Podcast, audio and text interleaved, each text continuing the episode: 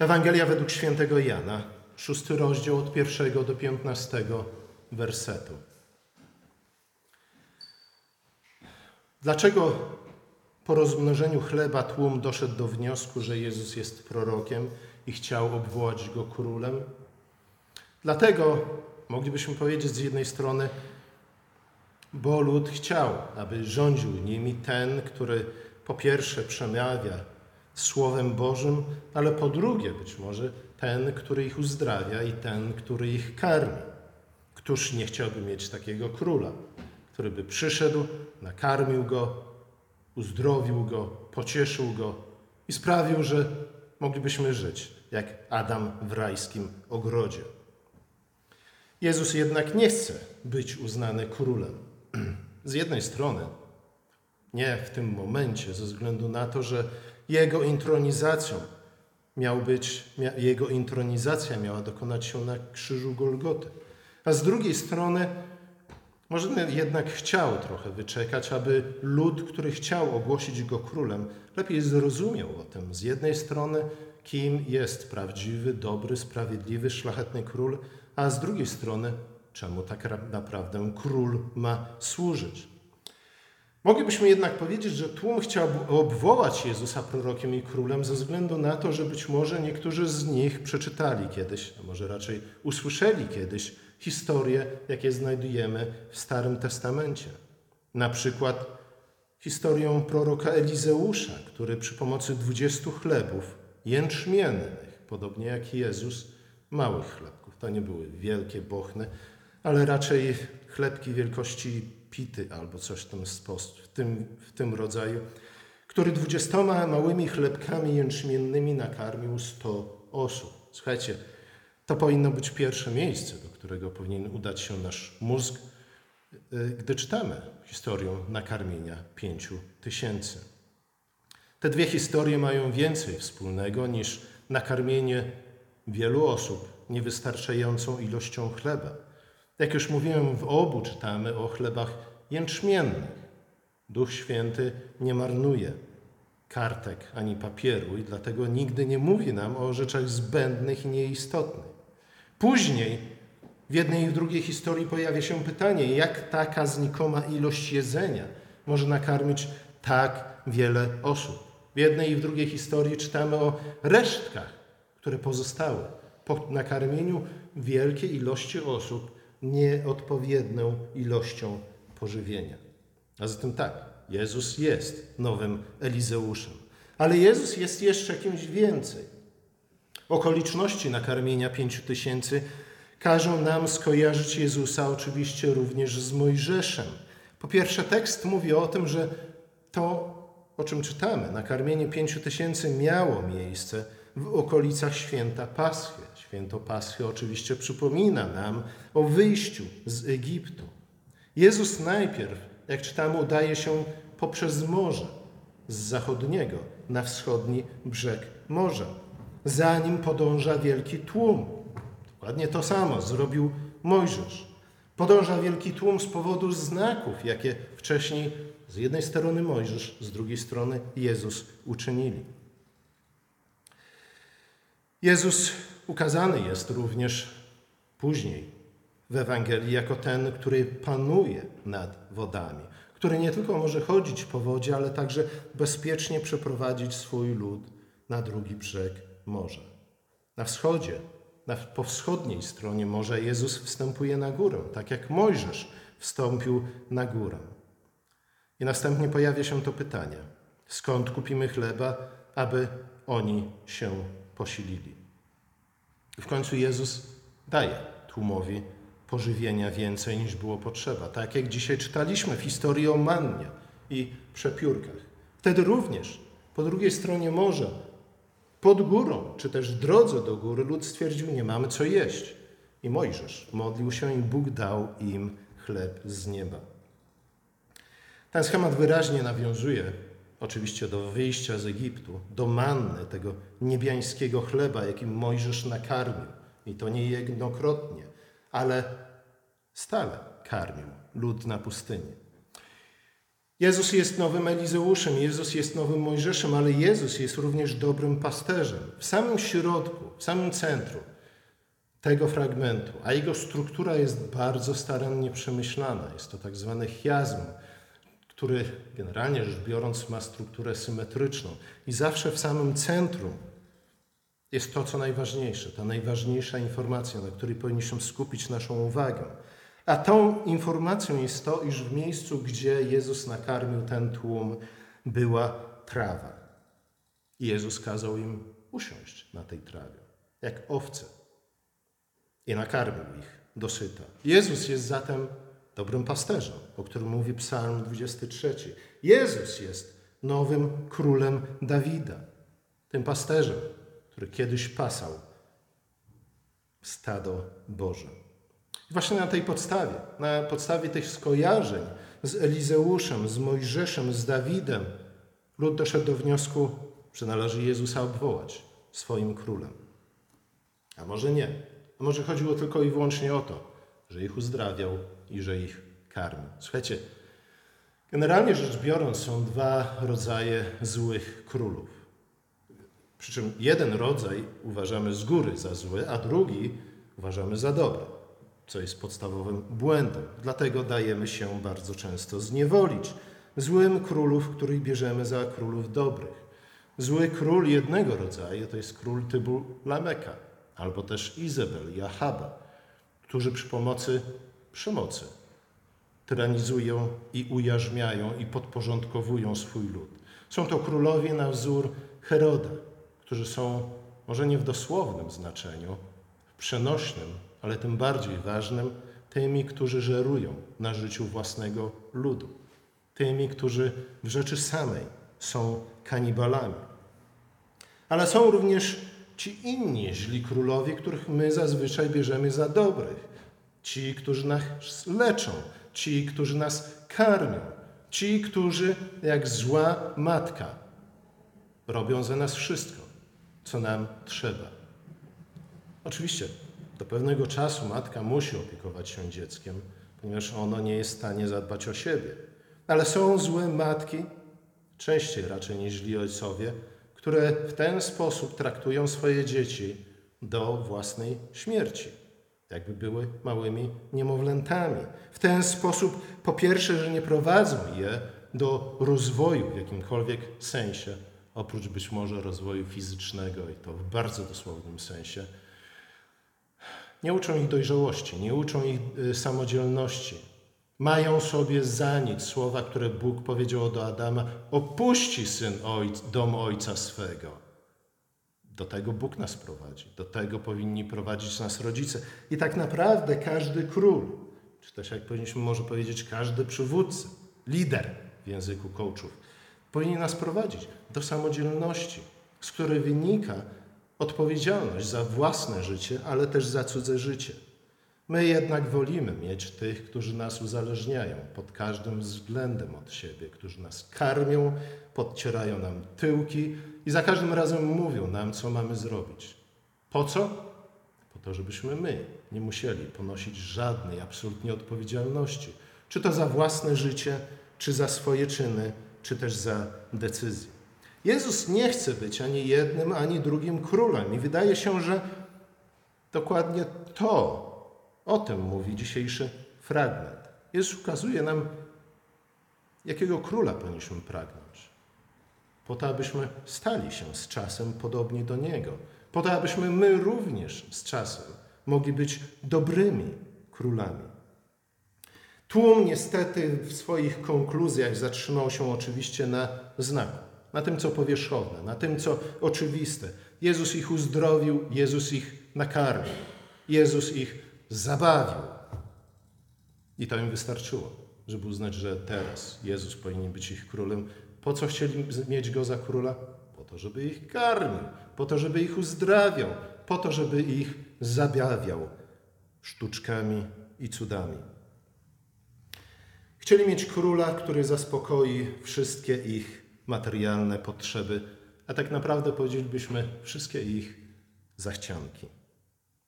Chcieli żyć jak Adam w rajskim ogrodzie. I znów nie pamiętając o tym, że przecież Adam nie miał pozostać w ogrodzie na zawsze. Dlatego w ogrodzie były tylko owoce do jedzenia i nic więcej. Chleb był poza ogrodem, wino było poza ogrodem, złoto było poza ogrodem.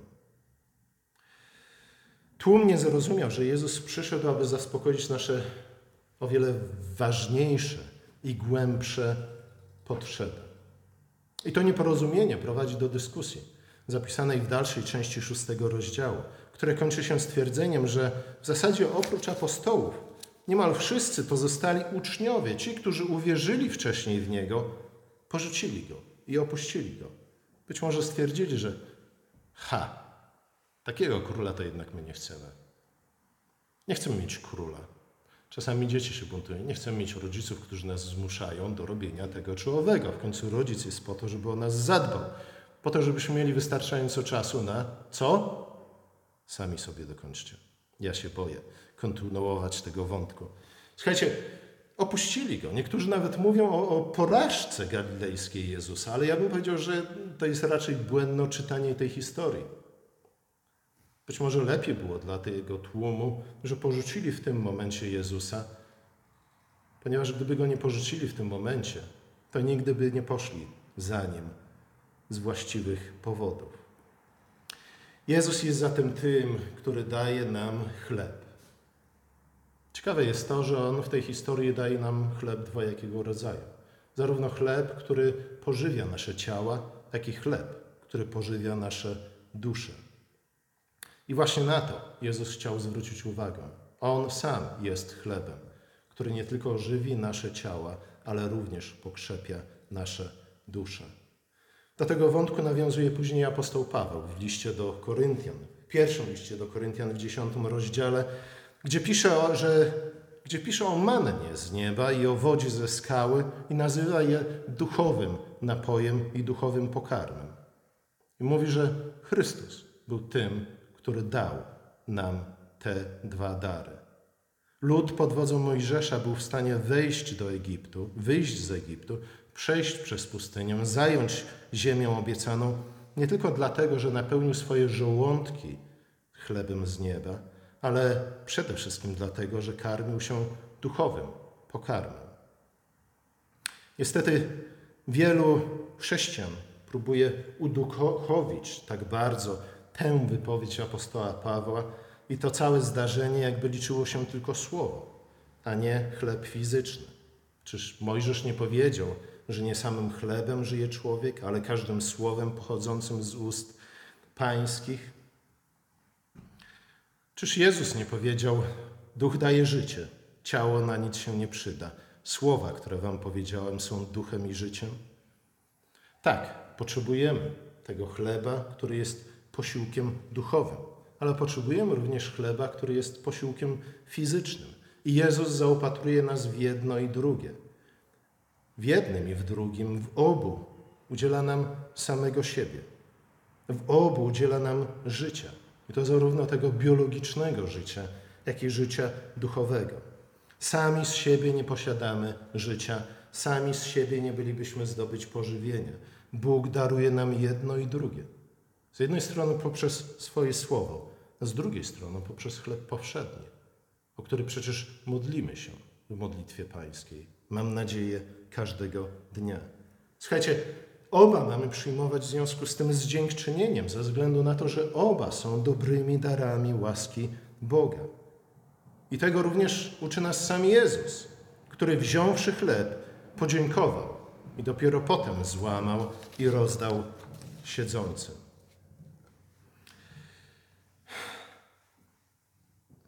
Moglibyśmy oczywiście zapytać o to, w jaki sposób Pan Bóg karmi nas, nie tylko w sposób fizyczny, ale również nie tylko pokarmem, chlebem fizycznym, ale również chlebem duchowym, czy też pokarmem duchowym.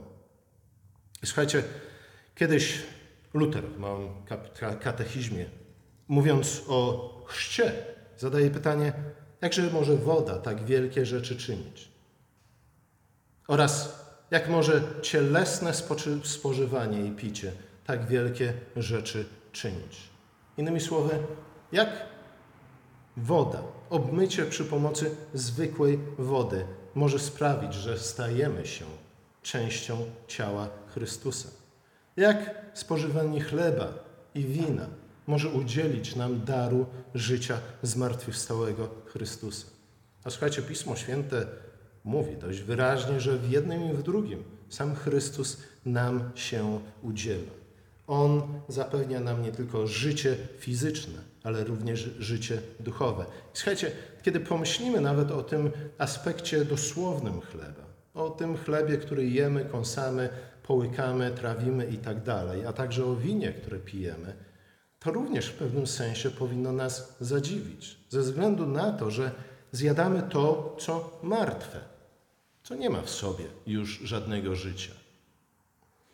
Mam nadzieję, że tak czynicie, że nie jecie nic żywego. Ale generalnie rzecz biorąc, zjadamy to, co martwe. A jednak to, co nie ma w sobie żadnego życia, to, czemu już odebraliśmy życie, jednak mimo wszystko udziela nam życia. W pewnym sensie również działanie naszego układu pokarmowego jest cudem. Ja wiem, że w znacznej mierze jesteśmy w stanie go zrozumieć i opisać. Niemniej jednak powinniśmy wciąż patrzeć na, na to jako na cudowne dzieło Boże. Podobny sposób, cudowny, nie do końca dla nas zrozumiały, kryjący w sobie nadal jakąś tajemnicę, Chrystus udziela nam swojego zmartwychwstałego życia przy pomocy chleba i przy pomocy wina. Skoro Bóg może nam darować życie poprzez to, co samo w sobie jest martwe, to może również przynieść światu zbawienie przez ludzi, którzy sami w sobie skazani są na porażkę. Poprzez ludzi, którzy sami w sobie są absolutnie nieadekwatni do zadania, do którego Bóg nas powołał. Słuchajcie, dlatego warto również zwrócić uwagę na tą krótką wymianę pomiędzy Jezusem i Filipem z jednej strony, a Jezusem i Andrzejem z drugiej strony. Jezus oczywiście, patrząc na te tłumy i litując się nad nimi, autentycznie, szczerze i w sposób jak najbardziej mądry i rozumny, mógł sprowadzić mannę z nieba. Mógł czy nie mógł? No oczywiście, że mógł. Ba, mógł sprawić w cudowny sposób, że natychmiast ta manna by pojawiła się w ich żołądkach. Nawet nie musieliby jej jeść. Przecież wtedy pewnie pozbawił ich części przyjemności płynącej z jedzenia. Ale tego nie uczynił. Jezus raczej zwraca się najpierw do Filipa i mówi: Słuchajcie, musimy ich jakoś nakarmić. I Filip rezolutnie mówi: Ale nawet 200 denarów by nie wystarczyło, żeby kupić chleba, aby się posilili, przynajmniej po trochę. Wtedy Andrzej z kolei zwraca uwagę na to, że jest tu co prawda chłopiec, który ma trochę jedzenia, pięć chlebów, dwie ryby, ale mówi, ale cóż to jest dla tak wielu? I wtedy Jezus bierze te pięć chlebów, te dwie ryby, dziękuję, rozłamie, rozdaje i wszyscy się najedli. Słuchajcie, z jednej strony to jest moment, w którym Jezus po pomaga swoim uczniom uświadomić sobie ich nieadekwatność wobec zadania, które przed nimi stoi. Oni sami z siebie nie byliby absolutnie w żaden sposób nic zrobić, żeby nakarmić choćby garstkę spośród tych ludzi. Tak, ten chłopiec, który miał z sobą to jedzenie, pewnie sam by się nakarmił i może jeszcze z kilkoma osobami by mógł się podzielić, ale cóż to jest na pięć tysięcy osób? Więc z jednej strony, tak, to jest ten moment, w którym kiedykolwiek Bóg powołuje nas do jakiegokolwiek zadania, na przykład do macierzyństwa albo do czegoś innego. A musimy uświadomić swoje, sobie swoją nieadekwatność. To, że sami z siebie o własnych siłach nie jesteśmy w stanie sprostać temu zadaniu. Dokładnie jak Adam i Ewa w ogrodzie. Jezus mówi: rozmnażajcie się, napełniajcie ziemię, czyńcie ją sobie poddaną. I Adam i Ewa patrzą tak na siebie i mówią: Ale jak? Coś podobnego powiedział Abraham i Sara. Mówią, Pan Bóg mówi: Wasze potomstwo będzie liczne jak gwiazdy na niebie, jak piasek na brzegu morza. I w którymś momencie Sara mówi, się roześmiała i mówi: Panie Boże, raczysz sobie żartować ze mnie, starej kobiety. I Pan Bóg mówi, w pewnym sensie tak, Sara, nie? Ze względu na to, że powinnaś zrozumieć, iż to, co uczynię, będzie cudowne. Ale jednak musimy absolutnie koniecznie również zwrócić uwagę na to, że jednak Jezus zwraca się do uczniów, którzy wyznają swoją nieadekwatność wobec zadania, do którego Jezus ich wzywa. Niemniej jednak bierze to, co są w stanie przynieść, błogosławi i rozmnaża. Słuchajcie, tak to działa. W ten sposób powinniśmy myśleć o jakimkolwiek powołaniu, do którego Bóg nas powołuje. Tak, oczywiście, że to przerasta nasze, nasze siły. Tak, nikt z nas nie jest adekwatny do tego, aby być na przykład matką albo ojcem. Nie mówiąc już o byciu pastorem. Ale cóż z tego? Jeśli Bóg nas do tego powołuje, to my powinniśmy przynieść do Niego i ofiarować Mu to wszystko, co mamy. Każdy z nas coś ma. Licząc na to i prosząc Go o to, aby On to pobłogosławił, złamał i pomnożył.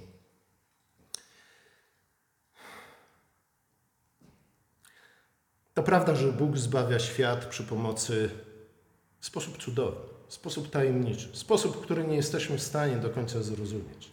Tak, jesteśmy zbawieni samą czystą tylko łaską. Ale z drugiej strony Pismo Święte również przypomina nam o tym, że te środki łaski są administrowane przez ludzi. Innymi słowy, Pan Bóg posługuje się nami jako swoimi narzędziami zbawienia. To czyni Jezus w tej historii. On zaprasza uczniów do tego, aby mieli udział w Jego dziele. Bez Niego nie są w stanie wykonać tego dzieła, ale z Nim i przy Jego pomocy. Nawet te skromne, znikome, całkowicie nieadekwatne środki, które są w stanie przynieść do Niego i Jemu ofiarować, stają się narzędziem, stają się środkiem, przy pomocy którego Chrystus karmi świat swoim zmartwychwstałym życiem. Pytanie, w pytaniu Jezusa, skąd weźmiemy chleb, chodzi więc nie tylko o ukazanie nieadekwatności uczniów wobec stojącego przed nimi zadania, ale także chodzi o zaproszenie ich, mimo wszystko, do udziału w dziele Bożym. W końcu Andrzej rezolutnie znalazł chłopca z pięcioma chlebami dwoma rybami. Jezus wziął i to starczyło dla wszystkich i jeszcze zostało. Mógł znów przywołać mannę z nieba, ale tego nie uczynił. Raczej wziął to, co uczniowie mieli, aby to pomnożyć i dać chleb głodnym. Podobnie jest z nami. Podobnie było z Adamem, z Mojżeszem, z innymi mężami Bożymi. Kiedy trzeba, Bóg zaopatruje nas w to, czego nie mamy. Ale jeśli już coś mamy, On zaprasza nas, abyśmy to, co mamy, mamy, oddali Jemu, poświęcili Mu, a On to pobłogosławi, pomnoży. Tak będziemy uczestniczyć w Jego dziele przemiany świata z chwały w chwałę. Mówi o tym apostoł Paweł również w liście do Koryntian w 15 rozdziale, gdzie stwierdza: Dzięki łasce Bożej jestem tym, kim jestem. A łaska Boża nie zmarnowała się, lecz zaowocowała. Potrudziłem się więcej od innych. Wprawdzie nie ja, lecz łaska Boża ze mną. I słuchajcie, właśnie o to chodzi w tym byciu dobrym królem. Dobry król to jest nie ten, który z jednej strony tyranizuje, wymusza przemocą coś na innych, aby zebrali tę słomę, aby zebrali tę glinę, aby zebrali to końskie łajno i z tego zrobili jakieś cegły i zbudowali mu piramidy czy inne pałace. O tym, że to jest zły król, wszyscy wiemy. Ale zły, złym królem jest również ten, który swoim dzieciom daje mannę z nieba bez końca. Ale przecież nawet Bóg tego nie uczynił. Dopóki byli na pustyni, jedli mannę z nieba. Ale znów, przynajmniej kazał im wyjść z obozu i pozbierać się, żeby cokolwiek zrobili. I znów, po co? Z jednej strony oczywiście po to, żeby nauczyli się pracować. Aby kiedy już wejdą do ziemi obiecanej, nie stali się obibokami, leniami, ale żeby zagospodarowali tę ziemię na chwałę Bożą i dla własnej korzyści. Ale z drugiej strony nie chce pozbawić ich wszelkiego poczucia własnej wartości, tego zdrowego poczucia własnej wartości, które wynika właśnie z tego, że to, co mamy, co również jest darem Bożym, jesteśmy w stanie przynieść do Niego, ofiarować Mu, a On to pobłogosławi, podzieli i pomnoży. I w ten sposób będziemy uczestnikami Bożego dzieła, nie tylko zbawienia, ale także przemiany świata z chwały w chwałę. Amen.